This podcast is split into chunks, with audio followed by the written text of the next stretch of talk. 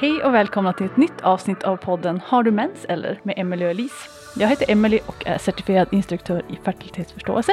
Och jag heter Elise och är certifierad personlig tränare och kostrådgivare. Ja, vi driver båda våra egna företag där vi erbjuder handledning och rådgivning online. Välkommen till våran podd! Välkommen, välkommen. Jag höll på att säga varsågod men. Ja, idag ska vi fortsätta Mm. vårt samtal från förra avsnittet där vi riktar oss lite mer mot ungdomar och Vad vi ville, eller vi, vi hade velat veta när vi var yngre och Ja. sånt. Precis. Så förra gången var mer en sammanfattning av så här funkar det, så här eh, funkar vår fertilitet, vår biologi och så vidare. Och nu ska vi gå in på preventivmedelsbiten. Mm, det känns som att de flesta som vi har frågat på så här Instagram i alla fall är mest taggad på den här delen.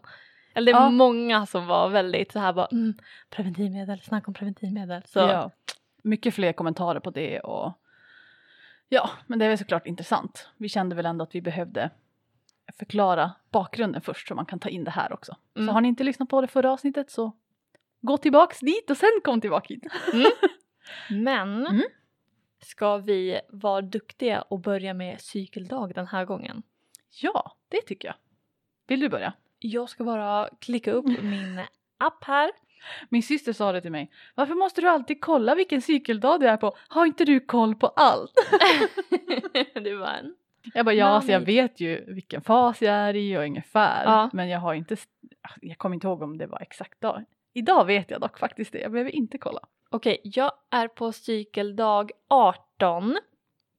Ehm, så follikelfas och jag hade hoppats att jag skulle få liksom, ja men börja med mitt fertila sekret för jag brukar ändå börja med det nu. Men det är bara ah, torrt. Nej. Och jag är typ, ah, det smärtar.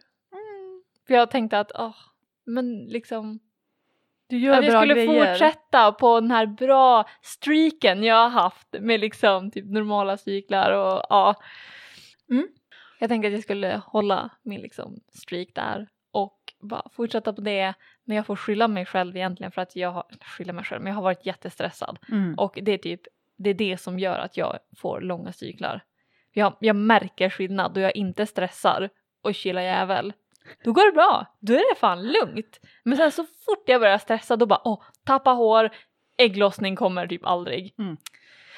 Så, eh, så kan det ju vara. Mm. Så cykeldag 18, Mm. inget sekret insight. Nej, men jag, jag, förutom att jag är stressad så mår jag ju bra.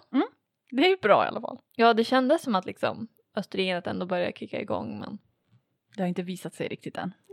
Just det. Ja, jag är på cykeldag 16.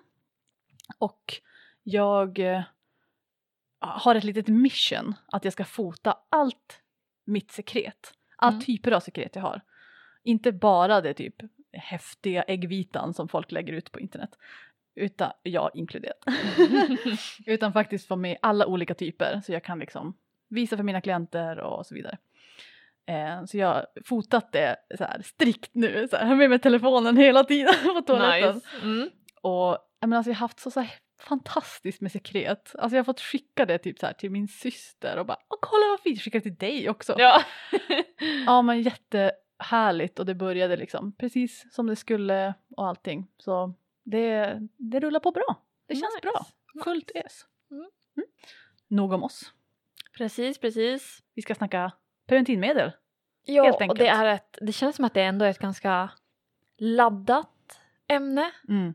För att det är så mycket som, vet, det känns som att det är två stycken olika camps liksom. Att Ja, det är läger, två stycken mm. precis, läger som slåss mot varandra. Den ena är den här eh, läkemedelsbranschen som bara p-piller är det bästa som har hänt feminismen och kvinnor och tro det finns inga biverkningar och visst det är kanske bara några som upplever, alltså du vet sånt där. Mm. Medan den andra är så här tvärt emot. Bara, oh my god, p-piller är det värsta som har hänt kvinnorna. Du, du, du, du. Och ja. Mm. Så det känns väldigt eh, som ett laddat ämne. Polariserat. Mm. Mm. Ja, jag håller med.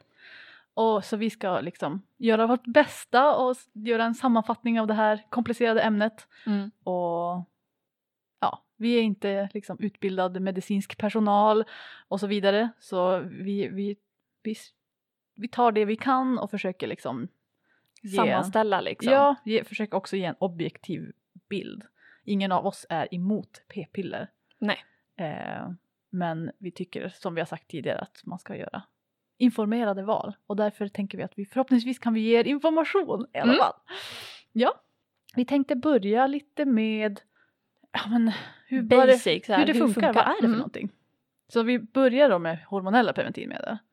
För det finns andra, hormo- andra preventivmedel än hormonella som vi också ska prata om. Men vi börjar med de hormonella. Och då har vi ju klassikerna.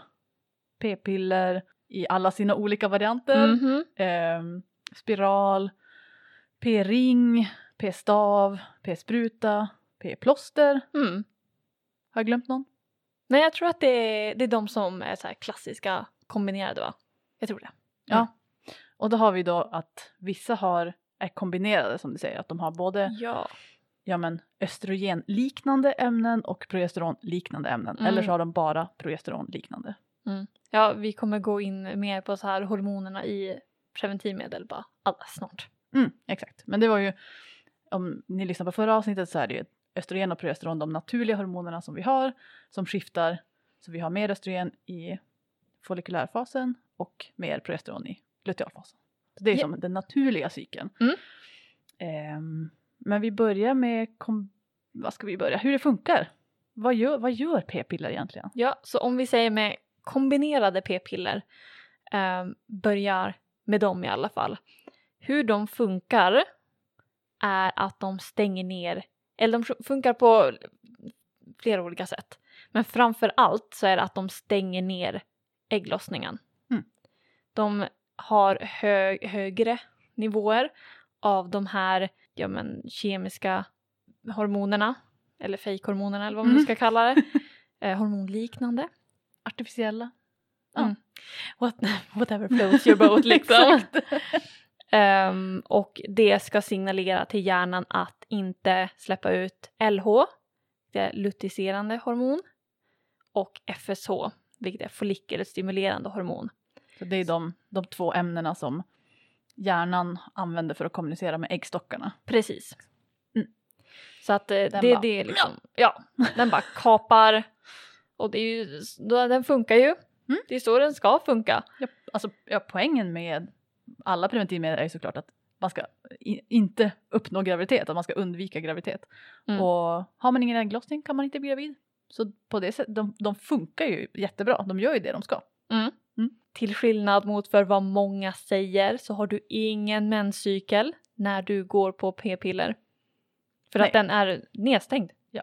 Alltså det är liksom, det går inte att argumentera med det. Nej. Om någon säger att du, är, du har en menscykel när du, eller du kan göra din menscykel regelbunden på p-piller. Det är så här klassisk.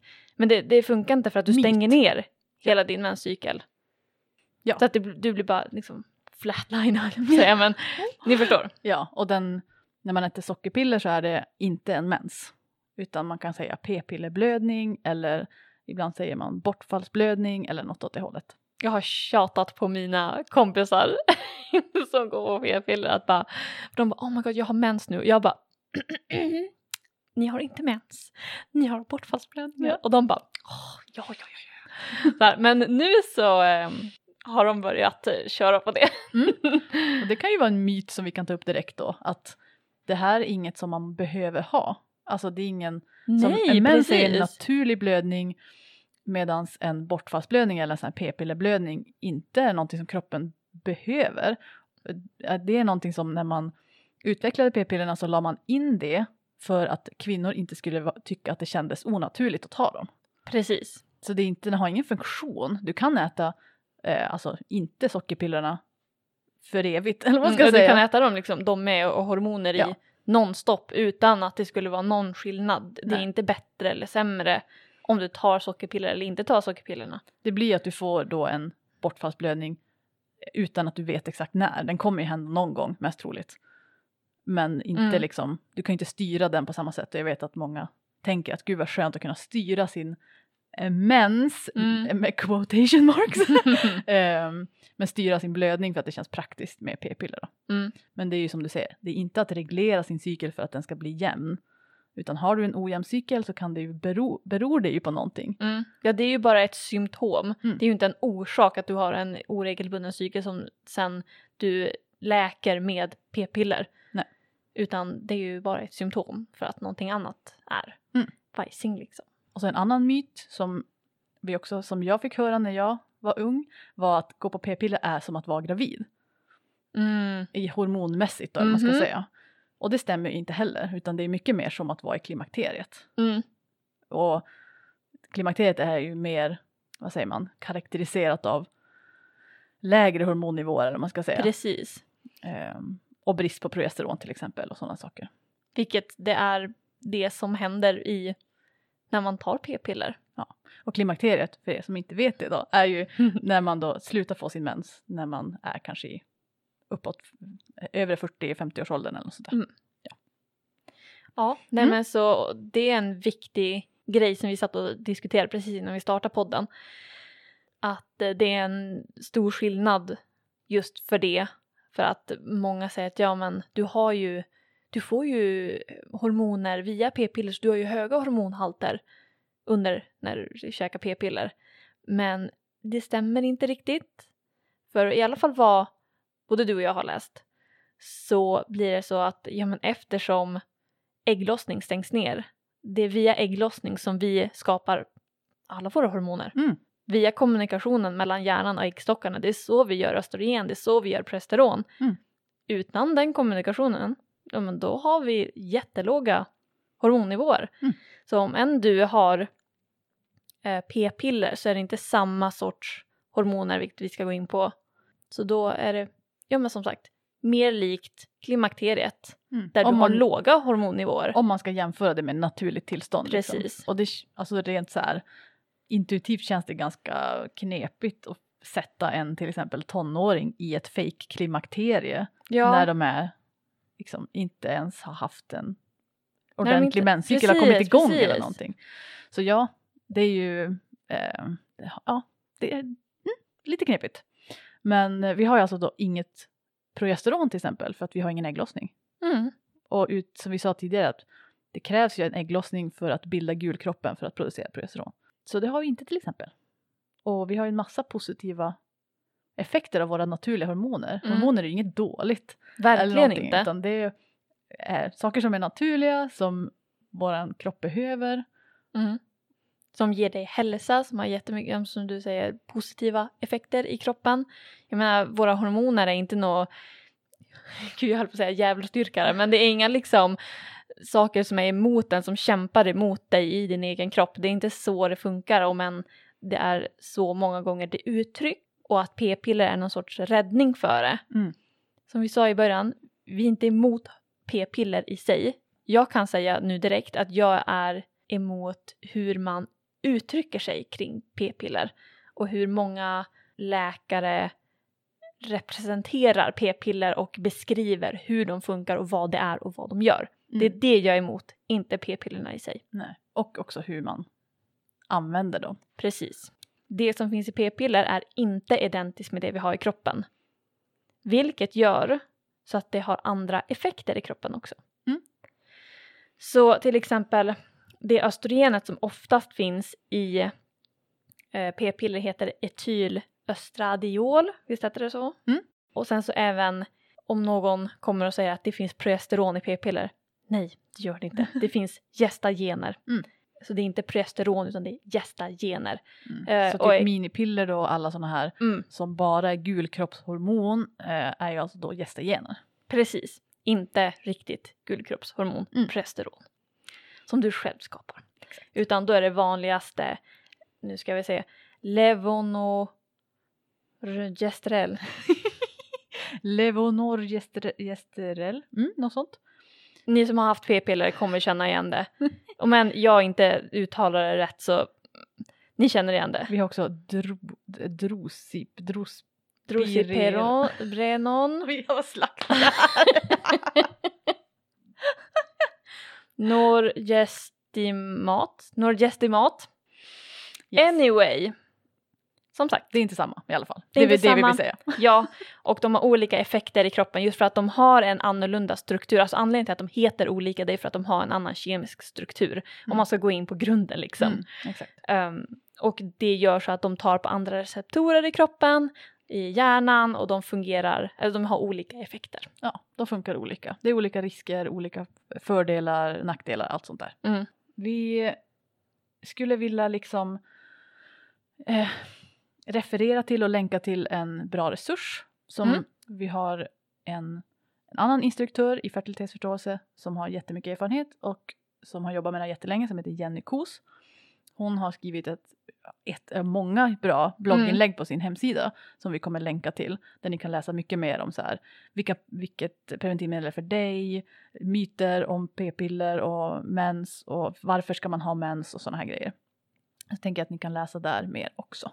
Nej men för jag tänker att en sak som vi läste där när vi kollade igenom det här var ju en sån här superbra grej som man hör att vissa p-medel eh, verkar lokalt. Ja, ja. Eh, Mm. Som till exempel eh, hormonspiral hör man ju det om tycker jag och jag hade till exempel p-ringar ganska länge.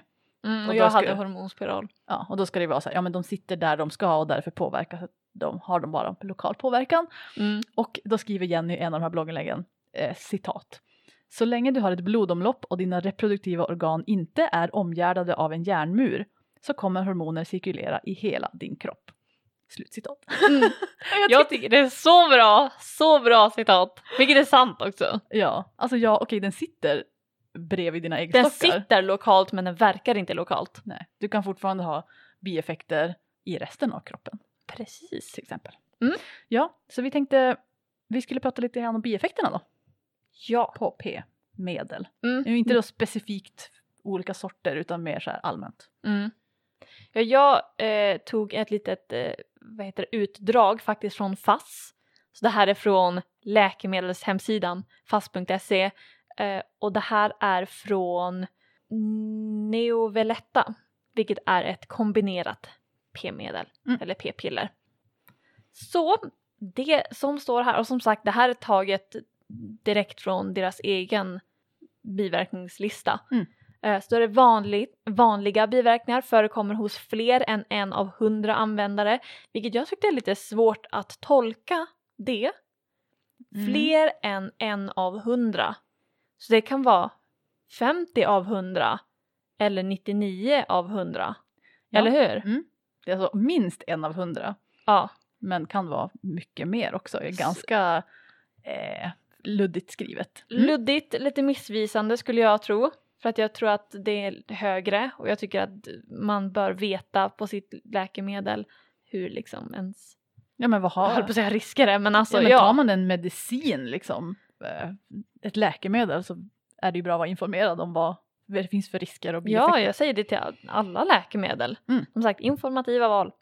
Eh, ja, men då är det viktökning, huvudvärk, nedstämdhet, humörförändringar, illamående, magsmärta, ömhet i brösten, bröstsmärtor, bröstspänningar och blödningar. Så har vi mindre vanligt förekommande saker då. Mm. Så färre än en av hundra. Eh, då är det, nu tänker jag inte ens uttala det där, ansamling av vätska i kroppen, Mm. migrän, minskad sexlust, måttlig blodtrycksförhöjning, eh, kräkningar, diarré, hudutslag, nässelutslag, utebliven menstruationsblödning. mm. ja, det är väl idén. Och bröstförstoring också. Mm. Men utebliven menstruationsblödning känns som en så här, man bara Ja, är det inte det som är Havet är blått, Ja. jorden är rund. Och så har vi sällsynta. Förekommer hos eh, färre än en av tusen användare. Alltså det här är en för lång lista för att läsa. Den är Eh. jättelång. Och det, men, och det här är ju väldigt sällsynta bieffekter i alla fall. Ja, Men vi kan ju säga några. Eh, något som jag tycker är ganska eh, spännande, så här sänkt glukostolerans. Jag tänker på eh, många som har PCOS blir ju satt på p-piller för att de bara åh det är det enda sättet att göra din cykel regelbunden. Eh, och den vanligaste formen av PCOS, ni som inte vet vad det är, så är det Polycystic Ovarian Syndrome. Ehm, det kan vara olika orsaker, men den vanligaste är ja, men dels utebliven ägglossning, oregelbundna menscyklar, långa menscyklar och också insulinresistens. Um, så att man har problem med att få in blodsocker i cellerna. För att det liksom, det, den processen funkar inte riktigt. Så det jag känner typ när jag ser det här att okej, förhöjt blodsocker, ökat insulinbehov. um, sänkt glukostolerans. Det är så här man bara och det här ska folk med PCOS bli satt på extra mycket med risk för det här. Mhm. Ja, det låter ju konstigt. Och här har vi också till exempel då blodproppar, hjärtinfarkt, Mm. eh, stroke, eh, sådana där allvarligare saker också. Ja. Men vi har ju ett, ett Instagram som vi vill promota lite här eh, som heter Mina biverkningar som ni jättegärna får läsa på folks, liksom, riktiga människors riktiga berättelser om vad de har varit med om för biverkningar på p-medel. Mm. Och många gånger är det också i förhållande till hur vårdpersonal har bemött dem. Mm. Medan det kanske inte har varit en... Det hade inte kunnat bli en så big deal för att såklart att all, alla läkemedel kommer ha folk som inte kan ta dem. Så, så är det. Ja. Um, men det handlar många gånger om att vårdpersonal bara nej, nej, det är bara i ditt huvud och så bara avfärdar det totalt, vilket är väldigt synd. Jättesynd. Så nu kan vi gå över till då det är bara gestagener. Mm. Alltså bara um, fake progesteron. Exakt. Nej, precis. Vi nämnde ju några av dem där i början på den här listan. Men vi har till exempel då p-stav, hormonspiral, eh, p-sprutor, p-ring och sånt. Så det är väl i princip bara p-piller som har kombinerade, eller? Är jag ute och cyklar nu? nej, jag tror faktiskt inte det är det. Man får kolla helt enkelt. Ja, nu är vi inte helt 100% på vad som är vad. Men. Nej, exakt. Och, men det, eh, och de funkar ju lite på samma sätt. Men framförallt så, så de behöver inte alltid stänga ner ägglossningen. Du kan Nej. fortfarande ha ägglossning.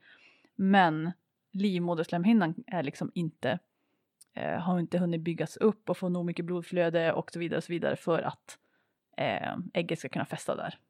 Så att den, den behöver inte stänga ner ägglossningen men den ska ju ändå stoppa alltså själva implanteringen och graviditeten att starta. Och också själva, eh, ska den, kan den ofta skapa en, en plugg av sekret Mm. i livmodertappen som gör att spermien inte heller kommer in där. Mm. Så det är väl främst de två sätten som den funkar på. Och såklart kombinerade p-piller, de har ju också gästegener i sig så de gör ju också det här. Ja, exakt. Men det är liksom det Men är de deras stoppar sekundära. också ägglossningen. Mm.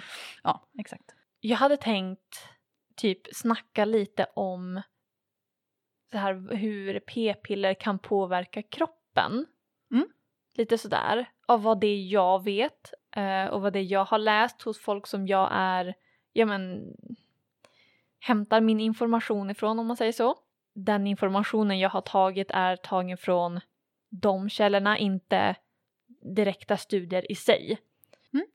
Eh, så jag vill bara ha det sagt, för som sagt vi vill ha som en öppen diskussion här så Mm. det vi säger är ju typ inte satt i sten. Nej, och ta inte det här för liksom någon slags eh, eh, Holier than thou liksom. Ja, men typ. Alltså jag menar, vi kan också ha fel och så vidare. Vi försöker, ja, vi gör vårt bästa. Vi är bara människor. Nej men eh, så ja. Men vad jag har läst eh, och vad jag har förstått från olika källor i alla fall är att just kombinerade p-piller snackar vi då mest om. Då är det att det kan störa tarmfloran bland annat.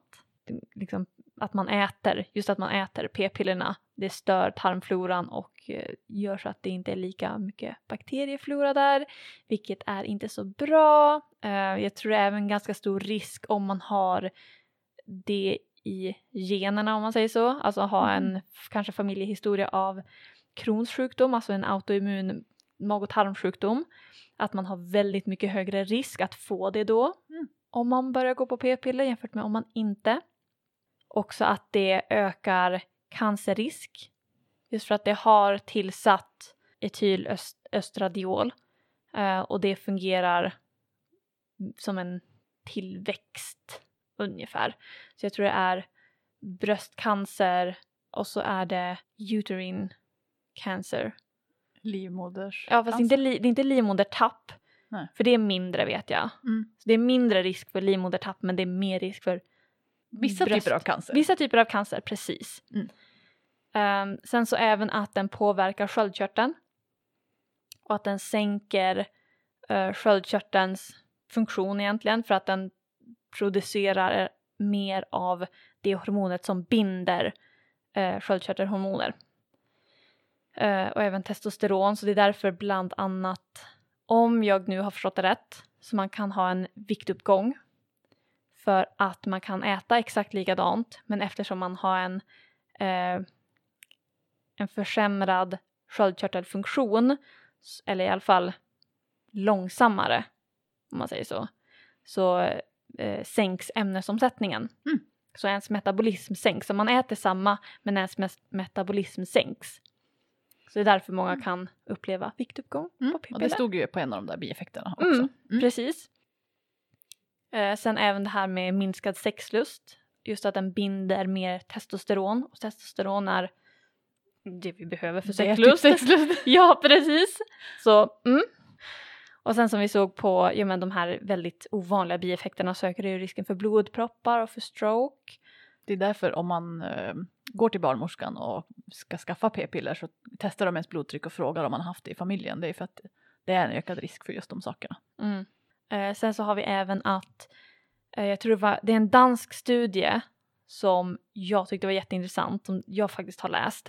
Eh, jag tror jag ska ha den kopplad på min hemsida så om ni Mm. vill Vi kolla kan in den. lämna den i beskrivningen. Ja. Länka den. Precis.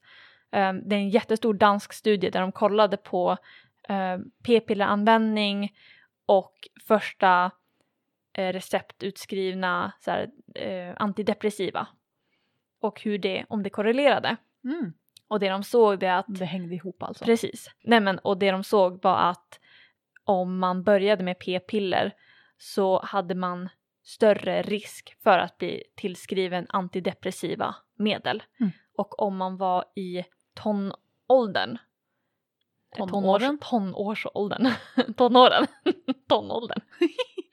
och var i eh, tonåren när man började med p-piller så hade man en, jag tror det var tre gånger så hög risk till både depression och så var det någon hö- förhöjd risk till självmord också. Så att det var liksom Lite någonting som jag grejer. bara mm, tyckte var jätte, jätteläskigt just för att det är oftast många yngre som kanske redan mår dåligt som får eh, p-piller vilket jag känner bara oj, oj, oj. Mm. Nej, vi har ju alltså en hel drös med bieffekter och risker som man får, Mm. får ställa sig till om man väljer att gå på p-piller. Mm. Och det är viktigt att veta att det finns risker med dem. Mm. Det, alltså, det jag känner jag vill typ trycka på just för att vi nämner alla de här bieffekterna och man bara ah, men liksom om det nu är för p-piller varför säger ni så här mycket om dem? Mm. Men det är för att det är så otroligt många, alltså det är en hel typ flera generationer av kvinnor som har blivit itryckta i att det här är det, ditt enda räddningsmedel liksom. De har inte fått någon eh, liksom information om det, de har inte fått veta vad det verkligen gör med kroppen, de har inte fått någon liksom ens ins till Att det kan vara farligt Ja, ens. precis. Ja. Ehm, Och att det finns alternativ. Vi Ja. ska prata om alternativen också. ja, Men ja, precis. Det känns väl som att vi försöker väga i den vågskålen också. Att Ja. så här, man kan inte göra ett informerat val om man inte har fått höra om riskerna. precis. Om du bara får höra om det positiva och får det att framstå som att det är ditt enda alternativ, då är det inte ett informerat val du gör. Nope. Då blir det påprackat ett alternativ.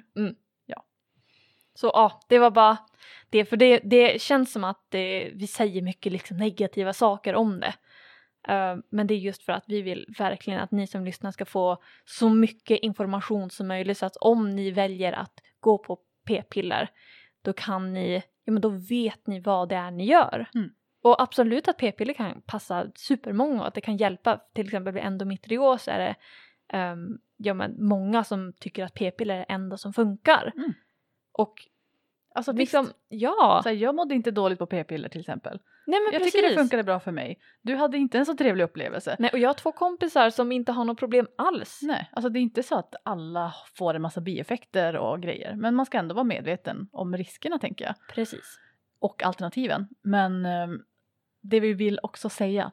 Vi tycker att p-piller är ett, ett, al- det är ett, ett alternativ till preventivmedel som ska vara, man ska vara medveten om och som Mm. ska finnas tillgängligt. Men vi tycker väl båda att det är inget som man ska använda för att eh, stänga ner menscykeln för att minska alltså problem med Mm. menscykeln. Alltså vi tycker inte att man ska använda det för att ja du har mensvärk, ta p-piller. Du har PMS, ta p-piller. Mm. Alltså Du har akne, ta p-piller. den biten håller vi inte med om alls. Eh, Att använda p-piller på det sättet Mm. som ett läkemedel. Nej, Utan ser det som ett preventivmedel. Ja, exakt. och inte ett läkemedel på det sättet. Utan de symptomen har är, är symptom på ett problem och man ska fixa problemet, inte bara eh, shoot the messenger. Mm. Nice. Men Alternativ! ja, nu, nu är det din Mitt, time to shine. mitt turf. Nej men Mm. eh, det är som eh, ett, det finns ju också kopparspiral eh, som är ett då hormonfritt alternativ men också med många biverkningar som ni kan läsa mer Ja. om på den här instagrammen till exempel.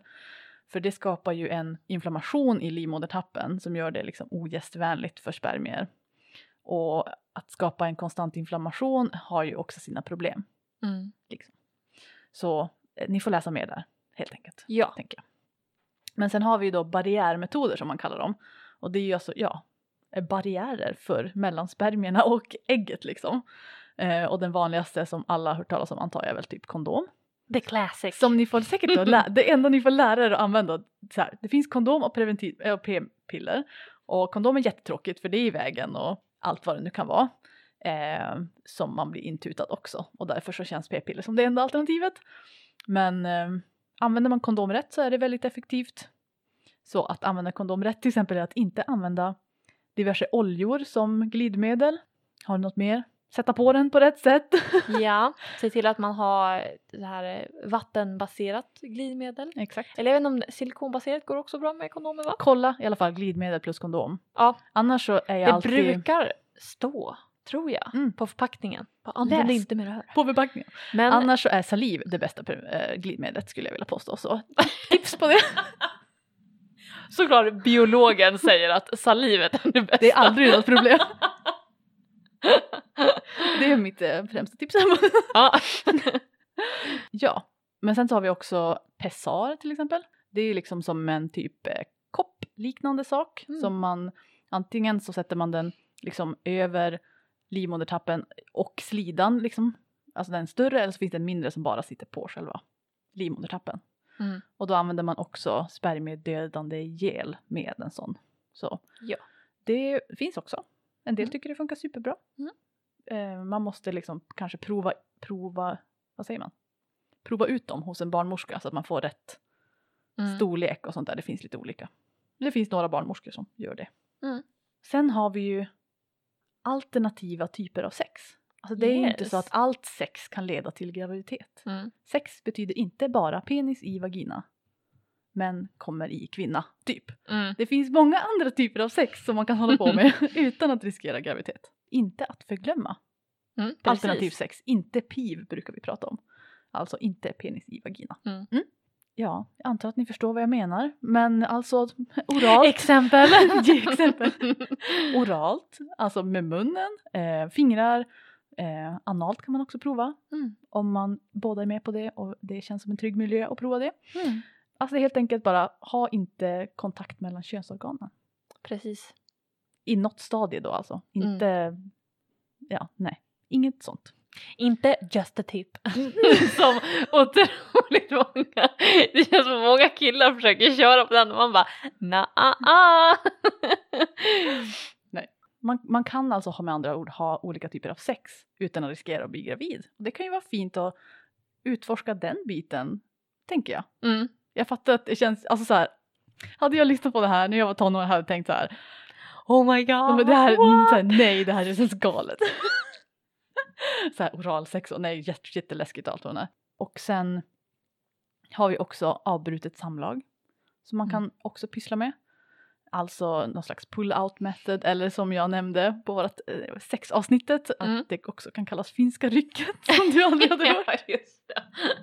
Nej, jag har glömt bort det direkt också. Det betyder alltså bara att man, eller bara, man kan använda det också på mer eller mindre effektiva sätt. Men det syftar ju till att man inte kommer i slidan Mm. utan att man kommer utanför någonstans och in, alltså långt utanför på att Mm. säga. Och det är inte ett jätteeffektivt preventivmedel i sig men det är ändå inget som jag tycker man ska glömma bort. Alltså, ja, det känns som att många hatar på det. Vi, men vi har ett helt avsnitt om sex och avsnitt. Nej, avsnitt. Avsikt. Avsikt. Exakt, så det kan ni kolla. Där pratar vi mer om det. Hur Där effektivt pratar det vi mycket om finska rycket och massa andra grejer. Exakt. det, Ehm, det, ett- det var ett kul avsnitt. Mm. Kult. Kult. Kan jag svenska? Nej, men, ja.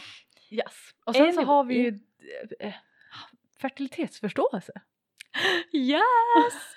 Hur kunde jag bara, och nu går vi vidare, hur kunde jag glömma det bästa? Ja, och alltså det här, jag vill bara säga det så här. Det här är ett legit preventivmedel. Vi har båda använt det i många år Mm. utan att bli gravida. Det är ett effektivt preventivmedel. Och det som vi hintade lite om i förra avsnittet är ju alltså att man identifierar de dagarna när man kan bli gravid, den biologiska fertiliteten. Och sen så undviker man alltså sån här PIV-sex då. Alltså man har antingen annan typ av sex eller eh, ingen sex om man vill Mm. under den här fasen sekret ägglossning liksom. Och då kan man alltså ha då oskyddat sex när man inte är fertil. Och man kan Precis. inte bli gravid då för det är omöjligt. Mm. Fysiologiskt omöjligt. Så det handlar ju om att både göra det på ett korrekt sätt med en rätt metod och sen också anpassa sitt beteende. Man måste ju också kunna kommunicera med sin partner att eh, är man nära vid fertila och inte. Så det är ju som, det är ju som typ, jag brukar jämföra det med att lära sig ta körkort typ. Mm. Alltså det är liksom en skill man lär sig. Mm. Och kan man den, då kan man det för livet. Mm. Och det kan kännas lite läskigt i början, men det är inte svårt när man väl har börjat göra det, när man Nej. kommer in i det. Ja, du kan göra det. Nej, du är inte för dum för att göra det. Det Exakt. går. Ja. Som, kan man köra bil så kan man fan köra fertilitet. Jag höll på att säga köra penis men det var inte riktigt det. Jag förstår vad jag menar. Köra fertilitetsförståelse. Mm. Ja, exakt. Det är inte rocket science. Det kan vara lika effektivt som eh, p-piller Mm. om man använder det på rätt sätt. Och då ingår det också att man har lärt sig av en instruktör och det är väl det som jag jobbar med. Mm. Så som jag nämnde i förra avsnittet så tar jag inga klienter som är under 18 just nu i alla fall. Jag vet inte riktigt. Jag har inte bestämt mig hur jag ställer mig till det här men Mm. jag tycker ändå att det är någonting som man kan veta finns. Mm. Och något man kan kolla in och liksom läsa mer om. Och, och något, vill man, känner man att de här riskerna med p-medel eller man får då bieffekter, det passar inte för mig på något sätt. Då finns det sådana här metoder. Mm. Du kan använda kondom jämt. Alltså om du, why not? Ja, Eller så kan du hålla man på med behöver inte krångla till det. Alltså så här, p-piller är inte det enda alternativet. Bara punkt. Mhm. det är ett alternativ, Mm. men bara ett av många. Men det känns som att många gånger när man är mitt i det här, för jag minns mig själv när jag var i så här, höll på med p-piller och jag bara mådde piss och jag bara alltså finns det, alltså det måste finnas någonting. Mm. Och jag bara sökte och sökte alltså för liksom livet för att det enda jag tänkte bara tänk om jag måste vara på p-piller resten av mitt liv. Liksom för, att, för att inte liksom bli gravid och jag bara "Åh." så det finns, det finns andra alternativ. Tar ni med er någonting från det här avsnittet så är det det. Det är liksom vår främsta punkt, tänker jag. Mm. Ja. Vi eh, frågade på Instagram vad folk ville att vi skulle ta upp. Och då var det folk som bland annat bara ville säga att fertilitetsförståelse finns. Ja. Inte bara vi vi som det. bara wow det finns. Vi har också att, eh, flera avsnitt om det eh, som ni kan kolla på också. Och sen så var det någon annan som skrev man behöver inte äta p-piller på grund av menssmärta. Mm. Det var också en fin insikt som vi också har nämnt. Mm. Man kan göra andra saker Ja. för att faktiskt fixa det underliggande problemet. Vi har ett helt avsnitt om mensvärk så gå tillbaka och kika på det om ni är intresserade. Och så var det någon som skrev Ja, det som vi har sagt typ tusen gånger. Hormonella preventivmedel är inte de enda alternativet. Mm. Så det var en perfekt att avsluta det här med. Ja precis. Ja, då tror jag vi har gått igenom. Vi ska, väl, ska vi avsluta med våran klassiker vad vi är tacksamma för? Mm. Nej men ehm, Alltså jag vill inte säga bara så här typ podden och lyssnarna igen. Men alltså det har varit så fint på sistone och jag tycker att det här är så himla roligt. Och det är något som ger mig jättemycket energi.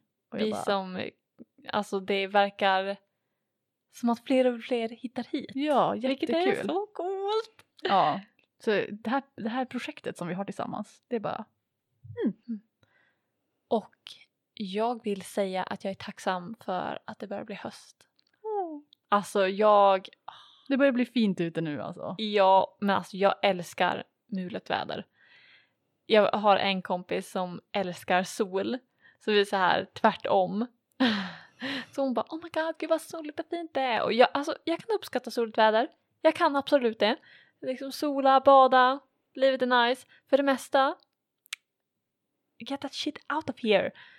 Jag Sval, frisk luft. älskar, ja, alltså bara den här krisp luften och kunna ha på sig vanliga kläder och inte svettas konstant och bara vet, öppna dörren och att det är kallt ute. Man kan Det är inte bara- sig. Ja, och sen åh, och hösten är så vacker med alla färger och det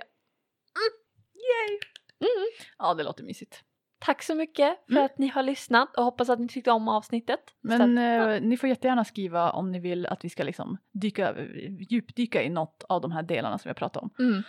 Eh, eller om ni har några frågor eller vill att vi ska förtydliga någonting. Eller ni känner bara att det där stämmer inte. Alltså vad som helst. Ja, Skriv bara till oss. så- kör på eh, mensnordarna gmail.com eller om ni vill skriva på vår Instagram har du mens understreck eller Mm. Bara skicka ett DM där. Yes. Annars så finns vi som vanligt på våra eh, företags Instagram och hemsidor. Jag heter Cykelklok. Mm. Och jag heter hälsonöjd fast utan alla prickar. Med det så får vi tack för oss. Puss och kram. Ha det så bra. Hej då!